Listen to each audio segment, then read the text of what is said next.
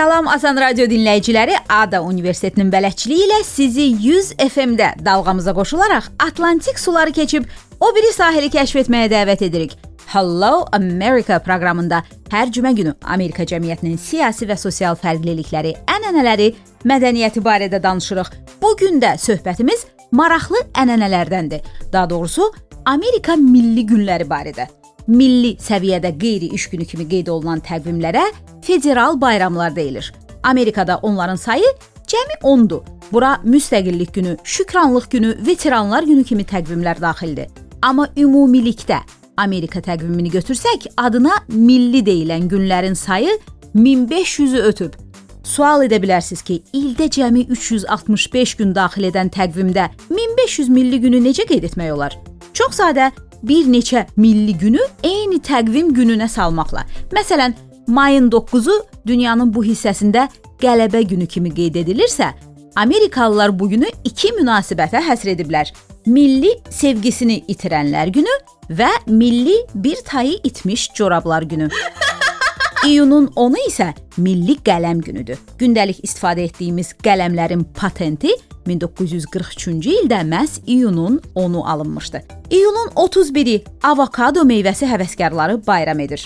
Əlbəttə bu günlərin hamısı federal bayramlar kimi qeyri-iş günü hesab edilmir, amma buna baxmayaraq hər gün öz kiçik ritualları ilə Amerika mədəniyyətinə rəng qatır. Məsələn, avqustun 10-unda ölkə Milli Tənbəllər gününü qeyd edir. Sizcə bunu bayram etməyin yolu nədir? Doğrudur. Bütün günü heç bir işlə məşğul olmamaq və buna görə vicdan əzabı belə çəkməmək. Axı bayramdır.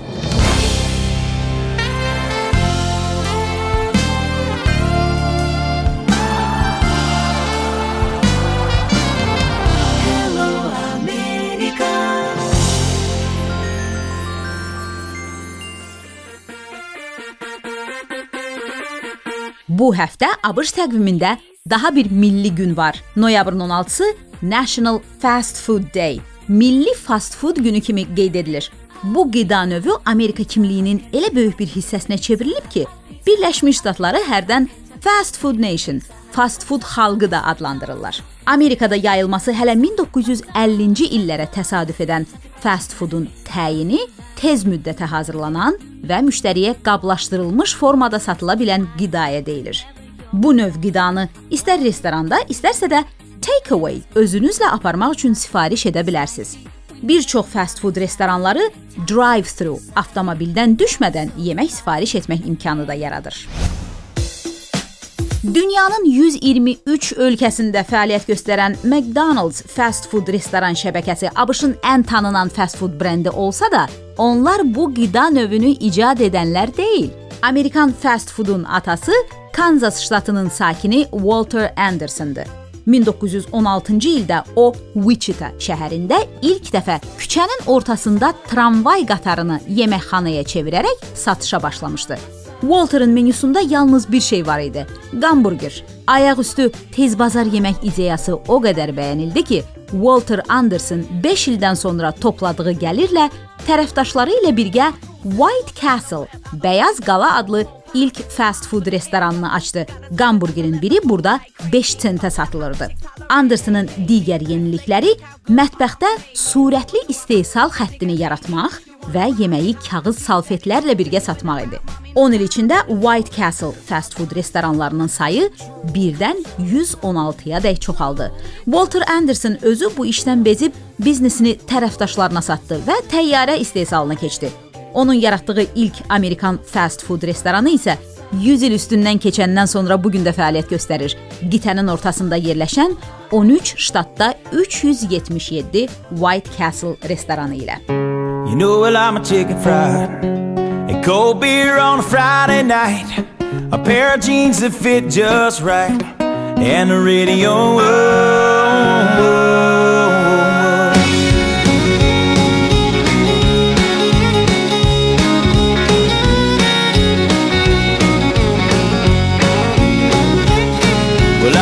Raised up beneath the shade of a Georgia pine, and that's home, you know. Sweet tea, pecan pie, and homemade wine where the peaches grow. In my house, it's not much to talk about. but it's filled when love is grown in southern ground. And a little bit of chicken fried. Cold beer on a Friday night. A pair of jeans that fit just right. And the radio up. I like to see sunrise. See the love in my woman's eyes. Feel the touch of a precious child. And know a mother's love It's funny how it's the little things in life that mean the most. Not where you live, what you drive, or the price tag on your clothes.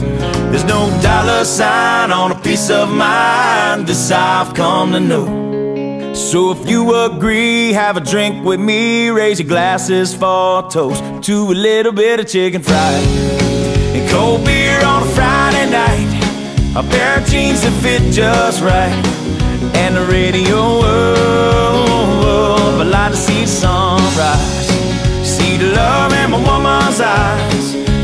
touch of a precious child, and a mother's love.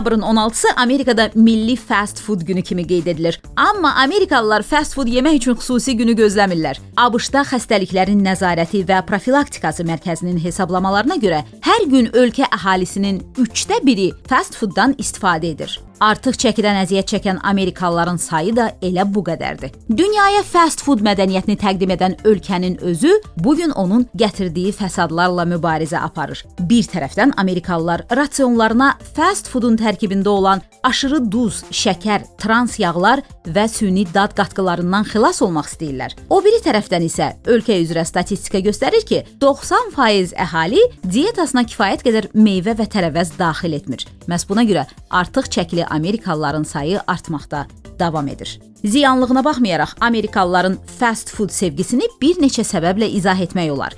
Birincisi, onun rahatlığıdır. Əksər hallarda fast food restoranlarında yemək almaq üçün avtomobildən belə düşmək lazım deyil. İkincisi, onun əlverişli olmasıdır. Məsələn, McDonald's-da 6 dollara burger, qızardılmış kartof, onun yanında içkisini də almaq olar. Adi supermarketlərdə bu pula sağlam yemək hazırlamaq üçün tərkib hissələrin yarısı belə düşmür. Sonuncu səbəb isə fast foodun maksimum 10 dəqiqəyə hazır olmasıdır. Saatlarla mətbəxdə və ya mağazada alış-veriş etməyə ehtiyac yoxdur. Bütün ailəni bir neçə dəqiqənin içində doyuzdurmaq olar. Lakin qənaət edilən dəqiqələr artan kalorilər şəklində insanlara hakim kəsilir. Mütəmadi fast foodla qidalanmaq nəinki artıq çəki, şəkərli diabet, ürək çatışmazlığı, qaraciyər xəstəliklərinə də səbəb ola bilər. Vaxta qənaət xüsusilə tələbə təbəqəsi üçün vacib olur. Statistika göstərir ki, Amerikada 23% tələbə əhalisi hər gün, 50% isə həftədə 3 dəfə fast food yeyir. Əziz tələbələr, heç birinizi qorxutmaq istəmirəm, amma fast foodun tərkibində olan trans yağlar beyin damarlarını daraldaraq bura qan dövranını azaldır və yaddaşı körşaldır. Bunu nəzərə alan Amerikan fast food restoranları son illərdə menyularına bəzi az kalorili seçimləri qatmağa başlayıblar. Məsələn, uşaqlar üçün menyuda karbonatlı içkilər əvəzinə şirələr verilir. Qızardılmış kartofu isə dilimlənmiş alma ilə əvəz etmək olar. Kalorili hamburgerlər əvəzinə salatlar təklif edilir. Beləliklə, ABŞ-ın 70 yaşlı fast food sənayesi bu günlərdə özünü yenidən kəşf etməyə çalışır.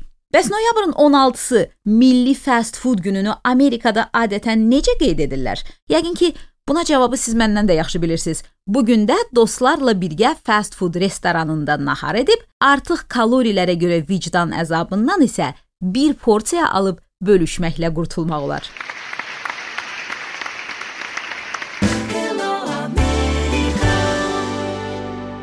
Hello America proqramının yaradıcı heyəti bu yaxınlarda Dövlət Departamentinin xətti ilə Kaliforniyada səfərdə idi.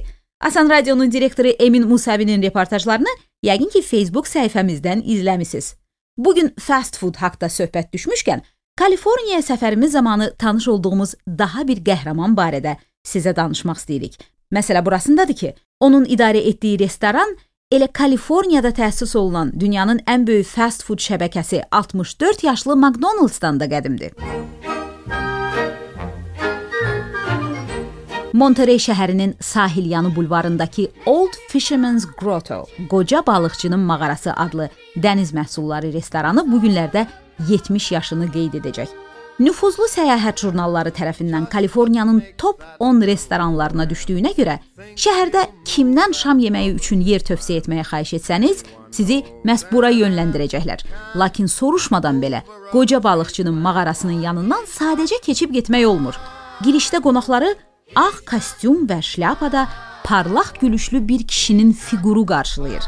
Restorana ziyarətçiləri cəlb etmək üçün qapının ağzında menyunun ən populyar seçimi dəniz məhsulları şorbasını dadmağa təklif edirlər. Tamı adamı valeh edir və budur, içəri keçməyə bilmirsən. Girişdəki ağ kostyumlu fiqurun kimə məxsus olduğu ilə maraqlanırıq. Məlum olur ki, restoranı 70 il əvvəl açan əslən Pakistandan olan mühacir Sabu Şeyxdir. İtalyanlı həyat yoldaşı Isabella ilə onlar bulvardakı kiçik məkanda ev yeməkləri hazırlayan restoran açıblar. Cəmi 40 nəfərlik masalarla başlayan qoca balıqçı mağarası bu gün 200 nəfərlik mötəbər restoran və daha 4 restoran şəbəkəsini, eləcə də dəniz məhsulları marketini əhatə edir. Qapıda qonaqlara şorbanı öz əlləri ilə təklif edən, bahalı köynək və qalstukda duran kişi isə restoranın indiki sahibi Sabu Şeyxin oğlu Chris Shake-dir. Onunla içəridə dəri qoltuqlu masanın arxasında əyləşirik. Ofitsiantlar elegant ağ-qara uniforma geyinib, Frank Sinatranın mahnıları qonaqları feyziyab edir. Kristen fast food sənayesi nəinki Amerikanı, bütün dünyanı başına aldığı dövrdə belə mötəbər restoranı saxlamaq və uğurlu etməyin sirləri barədə söhbət edirik. Mənim atam əslən Pakistanın Karachi şəhərindən idi. Anam isə italyan. Onlar birgə 6 oğul övladı böyüdürdülər. Atam elə buralarda restoranların birində qabyuyan işləyirdi. Tədricən onu qab yumaqdan mətbəxə aşpaz keçirdilər. Daha sonra o qoca balıqçı mağarasını açdı. Buranı idarə etdiyi dövrdə restoranımıza çox məşhur adamlar gəlirdi. Müqəddəs Terezana, Hollywood aktyoru Jim Carrey, hətta Pakistanın baş naziri Benazir Bhutto. Menyuya daxil etdiyimiz məhsullar hamısı yerlidir. Balığı elə buradaca körfəzdə tuturuq. Meyvə tərəvəzləri isə yaxınlıqdakı Salinas vadisindən gəlir. Mən məktəbi yarımçıq qoyub atama kömək etmək üçün restoranda işləməyə başladım. Ondan çox şey öyrəndim. Ən əsası isə müştərilərə fərdi münasibətini. Məsələn, bizim restoranda dəniz məhsulları və İtalyan mətbəxindən yeməklər verilir. Amma bura nə vaxtsa Pakistandan onun yerli qonaqları gəlsəydi, atam şəxsən mətbəxə keçib onlara biryani və ya digər Pakistan mətbəxindən yemək hazırlayardı. Bizə isə qardaşlarımla həmişə deyərdi ki, qapınıza gələn heç kimi ac buraxmayın. Atam xərçəngdən dünyasını dəyişdi. Mən onu əvəzlədim. 14 il mətbəxdə işləyəndən sonra indi restoranları mən idarə edirəm. Amma gördüyünüz kimi onun ruhu həmişə bizimlədir. Qapıda bütün ziyarətçiləri onun fiquru qarşılayır. Bizim restoranın öz ab-havası var. Yəqin müştərilərə də elə bu xoş gəlir. Wi-Fi yoxdur iki səbəbə görə. Birincisi, insanların telefona deyil, bir-birlərinə diqqət ayırmasını, yeməkdən zövq almasını istəyirik. İkincisi də marağımıza deyil ki, kimsə gəlib burada saatlarla oturub işləsin. Çünki gəlirimiz məhz müştərilərin dövriyyəsindən gəlir. Mən məktəbi bitirməsəm də düşünürəm ki, atamın məktəbini yaxşı qiymətlərlə bitirdim. Mənə lazım olan digər məlumatları isə həmişə gedib kitabxanadan tapıb öyrənirdim. Elə məhz buna görə də bu gün iyanə verdiyim təşkilatlardan biri də yerli kitabxanadır. Chris Shake bizimlə söhbəti başa vurub yenidən girişə qayıdır. Kaliforniyanın top 10-luqdakı restoranı olmaq asan iş deyil. Bir də ki, hər gün onunla girişdə duran atasının qarşısında özünü yenidən doğrultmaq istəyir. Belə maraqlı bir hekayə ilə bugünkü proqramımızı bitiririk və sizinlə gələn cümə gününədək sağollaşırıq. Hello America.